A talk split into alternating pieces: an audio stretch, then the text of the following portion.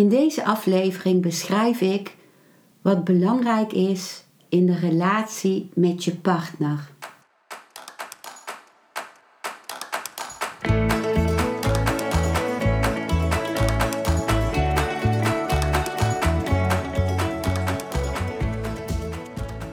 Welkom bij een nieuwe aflevering van Modita's podcast Van Pijn naar Zijn. De podcast waarin ik je meeneem voorbij de pijn in je leven naar wie je diep van binnen bent. Hoe kun je beter omgaan met je gevoelens? Hoe vind je rust in je hoofd? Wat zit er precies achter je pijn? En vooral, hoe kun je steeds meer jezelf zijn? Adem eens diep in en uit. Ik wens je veel luisterplezier.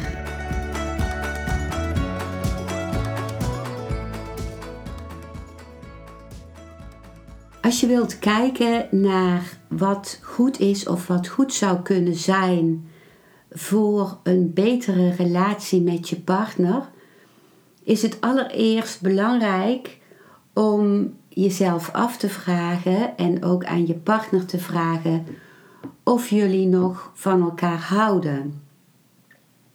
Als dat namelijk niet het geval is, als een van beiden niet meer van de ander houdt, dan uh, heeft het weinig zin of geen zin om te kijken naar wat goed is in de relatie. Daarvoor is een basishouding die er is van houden van de ander nodig.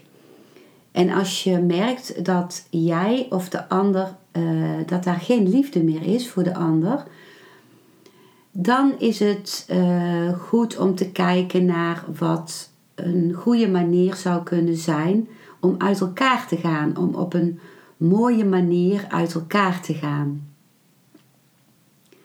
Maar wanneer je uh, voelt dat je wel allebei van elkaar houdt, dan zijn er een aantal dingen die kunnen helpen om de relatie uh, ja, nog beter te maken of uh, te verbeteren. En het eerste wat ik wil noemen is uh, het, dat het belangrijk is om te gaan kijken naar waarin je op elkaar lijkt. Want gemeenschappelijkheden die geven een toenadering. Die zorgen dat je je meer met de ander verbonden voelt.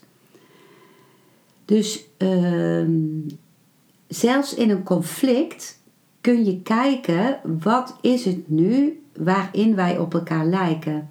Ik zal je een voorbeeld geven. Uh, de vrouw zegt bijvoorbeeld tegen de man: je bent bijna nooit echt aanwezig. Je bent steeds, als je thuis komt, ben je helemaal geabsorbeerd in de krant of je zit alsmaar op je mobiel te kijken en er is helemaal geen tijd meer over voor ons samen. En dan antwoordt de man bijvoorbeeld: Nou, daar moet jij wat van zeggen. Jij bent alsmaar aan het rennen en als ik thuis kom, dan vlieg je van de ene kant naar de andere kant en ben je alleen maar bezig met alles wat nog gedaan moet worden en met, met de kinderen en met dingen in het huishouden. En uh, ja, er is gewoon helemaal geen tijd waarop je echt met mij gaat zitten. En dan kun je doorgaan hè, met uh, elkaar verwijten maken. Maar, het kan, maar als je uh, dit punt in acht neemt van hé, hey, ik kan dus kijken van waarin die ander gelijk heeft en waarin onze gemeenschappelijkheid ligt.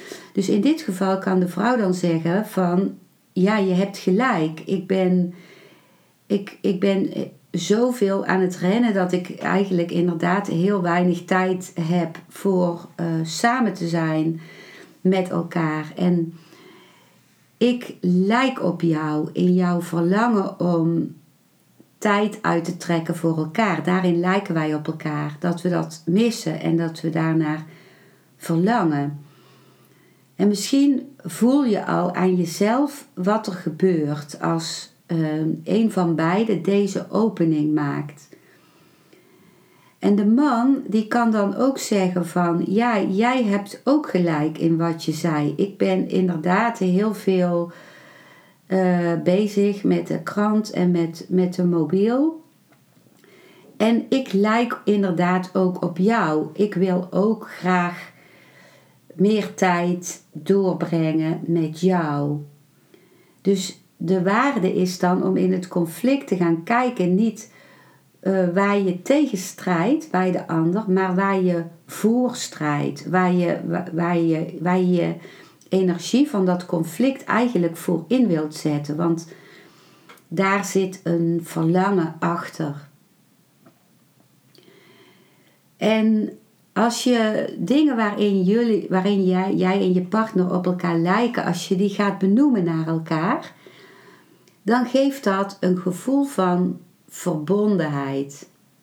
Als je bijvoorbeeld zegt van, uh, oh, wij delen met elkaar dat we uh, dezelfde soort dingen hebben meegemaakt in, onze gezins, in ons gezin waar we vandaan komen. Of uh, als je door de dag iets merkt van, oh, hou jij echt van die bloem? Dat is ook mijn lievelingsbloem, bijvoorbeeld. Wat leuk dat we dat gemeenschappelijk hebben. Dus als je daar de focus op legt, dan ontstaat er toenadering.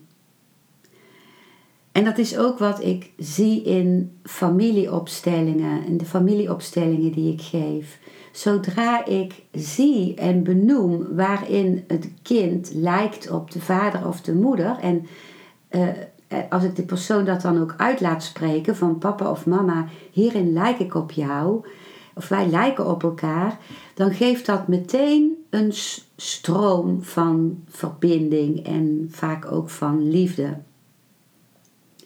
Dus dat is het eerste punt, om te gewaar te worden van waarin je op de ander lijkt, op je partner, en om het ook te benoemen.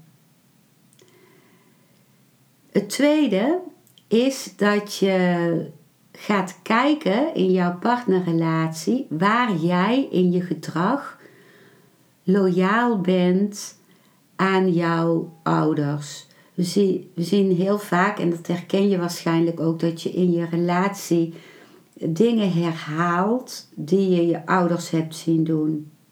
En het is belangrijk om je daar bewust van te zijn. Dus wat je je voor kunt stellen is dat uh, jij, dat jouw ouders voor jou staan op een afstandje en dat ze naar elkaar kijken. En jij kijkt daarnaar. Jij ziet hoe jouw ouders naar elkaar kijken. En dan neem je waar uh, wat jij herkent in jouw gedrag naar je partner wat je herkent in wat je ziet bij je ouders. Dus het kan zijn dat je iets herkent wat je moeder doet, en het of het kan zijn dat je iets doet, wat, iets herkent wat jouw vader doet. En dat neem je dan waar. En dan uh, besef je ook dat dat jouw loyaliteit is aan die ouder. Dus door hetzelfde gedrag uh, te gaan vertonen of dezelfde mening te hebben over uh, de partner. Ben je loyaal aan je ouder? Dan is, dan, dat is de, jouw verbinding met die ouder. Tot nu toe. Want als je dat ziet, dan kun je je afvragen van... Wil ik dat zo houden? Of wil ik het veranderen?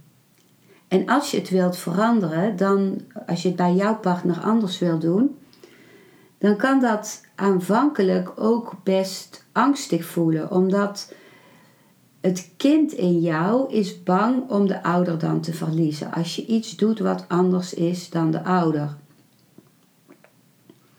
Maar als je het helder krijgt en uh, heel vaak kan een familieopstelling daarbij helpen om het helderder te krijgen waar je die loyaliteiten liggen naar je ouders.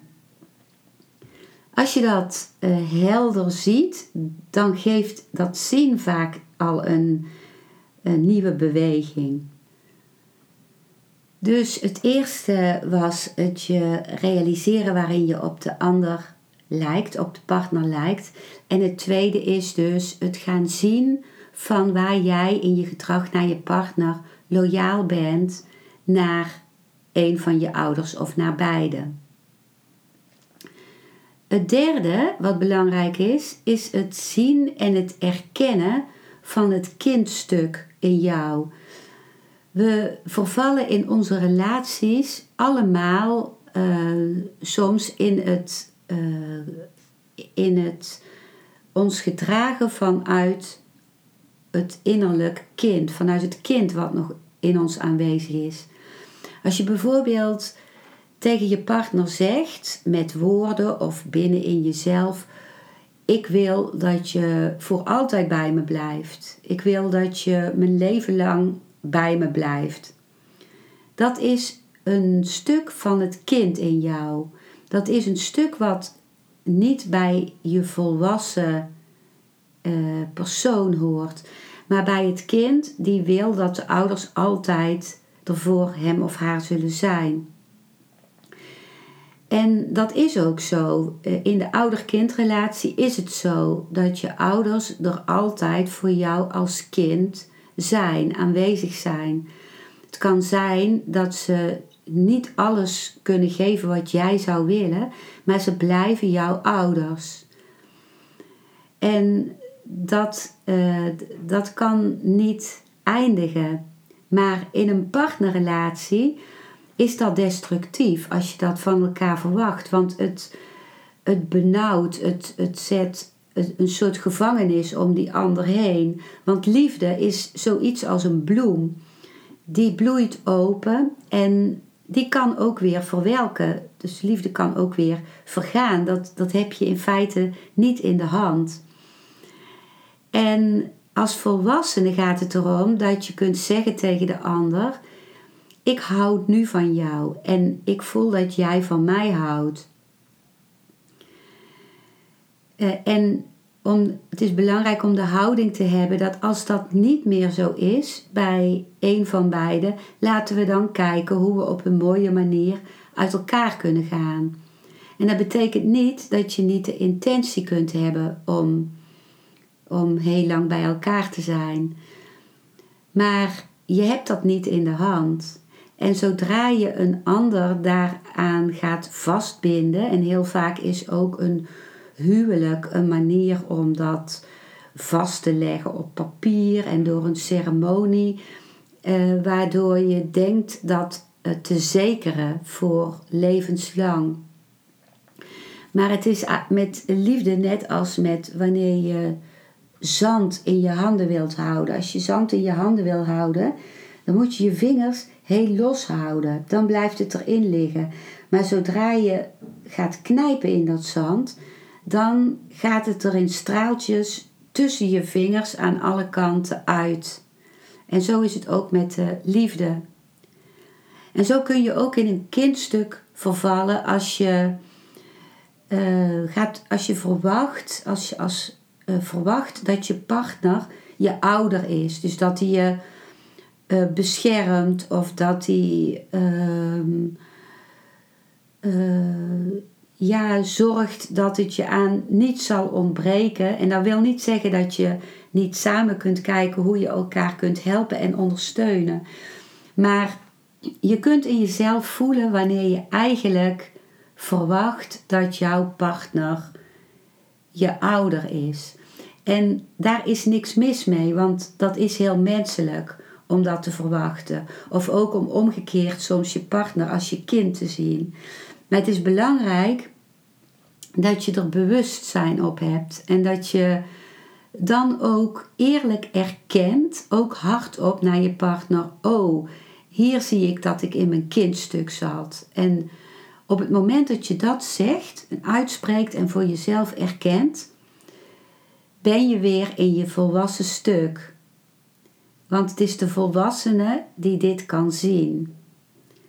En dat betekent soms lang niet altijd dat je er dan meteen ook iets aan kunt doen. Maar het zien zelf en het uitspreken en erkennen daarvan geeft al een shift.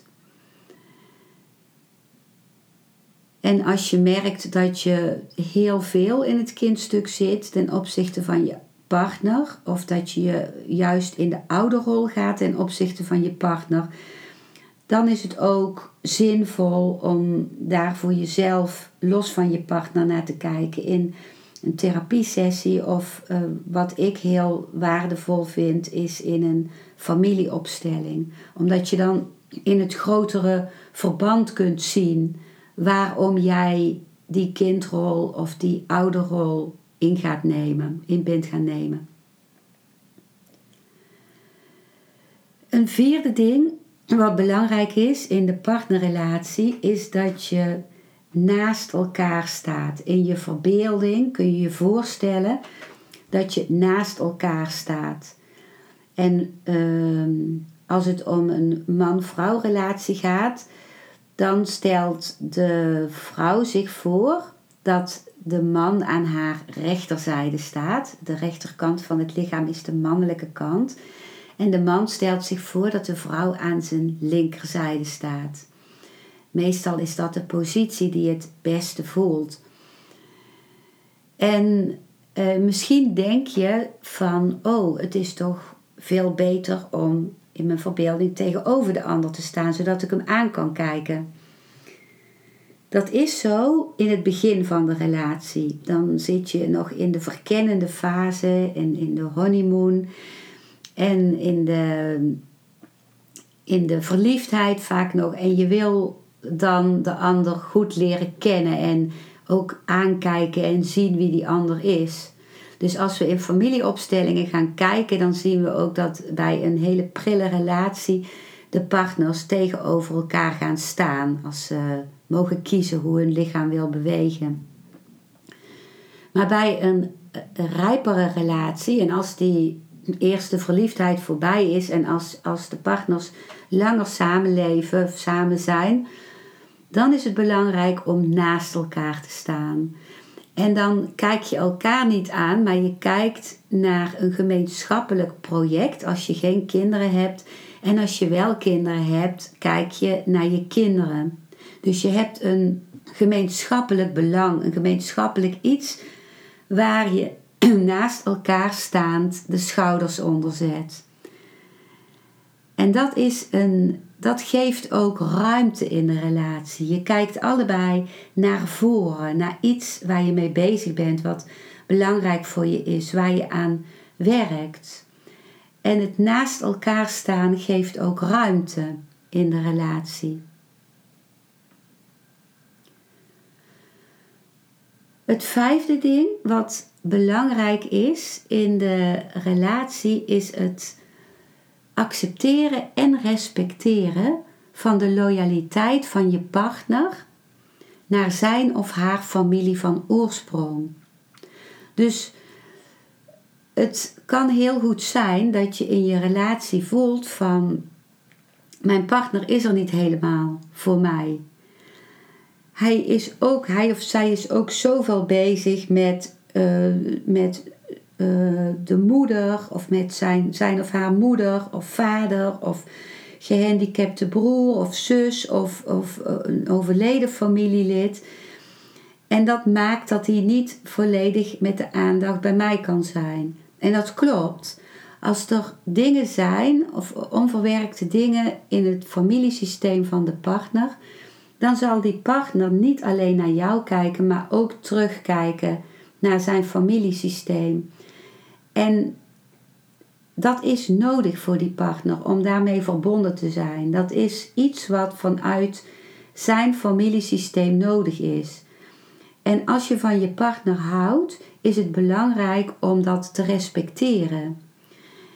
Dus om het niet alleen te accepteren, maar om het ook te respecteren. En om ook letterlijk uit te spreken van ik, uh, ik zie jouw loyaliteit naar jouw familie en ik accepteer dat en ik respecteer dat.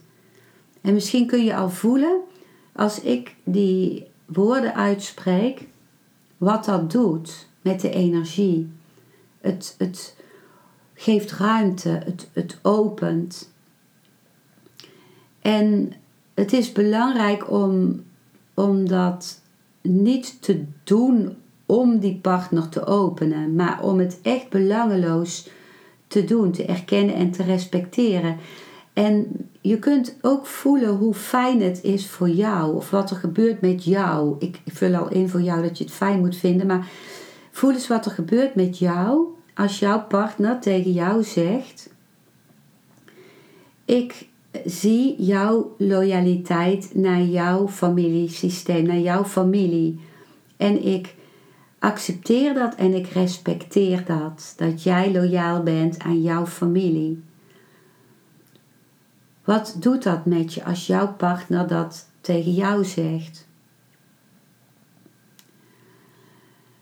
En um, ja, dus dat betekent ook dat je niet de volle energie van je partner krijgt. En dat is weer het in je volwassen stuk gaan staan om dat uh, te verdragen. Dus dat is dan verdragen. Ik zal mijn partner nooit helemaal zo hebben. Of die zal er nooit helemaal zo zijn zoals mijn ouders voor, er waren. Of zoals ik gewild had dat mijn ouders waren. Heel vaak uh, proberen we dat wat we van onze ouders niet ontvangen hebben, alsnog te ontvangen van onze partner. Maar dat is een illusie. Je kunt niet van je partner ontvangen wat je van je ouders niet ontvangen hebt. Daar, daarbij gaat het erom het zijn met de pijn van dat wat je van je ouders niet ontvangen hebt. En ook de capaciteit om dat aan jezelf te geven, wat je niet ontvangen hebt. En om het ook te ontvangen van heel veel andere mensen. Niet alleen van je partner, maar als je partner je een stuk niet kan geven om dat stuk dan te, ook te ontvangen van, van vrienden of van kennissen. Of van een boom of een dier. Waar het gaat om dat je in de partner je ouder gaat zien en verwachtingen gaat hebben die je had van de ouder, dan is dat bij de man vaak zo dat hij in de vrouw zijn, in, de, in zijn partner zijn moeder ziet. En bij de uh, vrouw is het zo dat ze in haar partner haar vader ziet of haar moeder.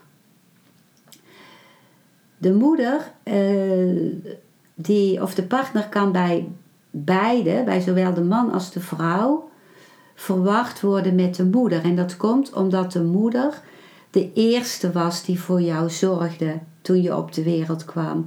Dus met de moeder heb je het meeste verlangen naar verbinding. Dus de verwarring tussen de partner en de moeder, die komt bij beide geslachten, bij zowel de man als bij de vrouw voor.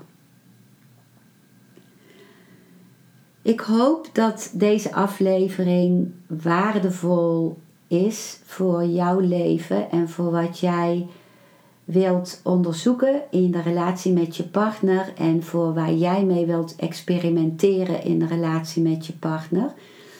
En wat ik gezegd heb voor de man-vrouw relatie geldt ook voor de relatie tussen twee vrouwen en geldt ook voor de relatie tussen twee mannen. En mocht je graag meer helderheid hebben of meer duidelijkheid hebben over hoe jij in je relatie staat of, of over hoe verstrikkingen aanwezig zijn tussen jou en je ouders of meer inzicht krijgen over wat maakt nu dat je juist deze partner hebt gekozen dan ben je welkom voor een familieopstelling. Ik geef individuele familieopstellingen, zowel live bij mij thuis in Eindhoven als online via Zoom. En ik geef uh, online familieopstellingen avonden. Op uh, zaterdagavonden. En ik geef ehm, live familieopstellingen uh, in, in een op een dag in het weekend. Van 10 uur s morgens tot 5 uur s avonds in Eindhoven. En meer informatie daarover vind je op mijn website www.genietenvanmeditatie.nl. Je bent van harte welkom. Dankjewel voor het luisteren naar deze aflevering. Ik hoop dat hij je een nieuw inzicht of perspectief heeft gegeven. Ik hou van interactie, dus als je iets wilt delen, Stuur me dan een mailtje op info.genietenvanmeditatie.nl. Ik geef je dan altijd antwoord. Ik wens jou dat je vreugde in het dagelijks leven zult ervaren en innerlijke rust. En dat je steeds meer je pijn zult kunnen omvormen in zijn. Je kunt de afleveringen van deze podcast volgen via Spotify, Google Podcast Apple Podcast en Podbean door op de volg- of abonneerknop te klikken. Als je luistert via de Apple Podcast, dat kan alleen als je een iPhone hebt, heb je een extra voordeel. Omdat als je op de knop abonneren klikt, je steeds een berichtje op je mobiele telefoon ontvangt als er weer een volgende aflevering van mijn podcast verschijnt. Je bent van harte welkom bij die volgende aflevering.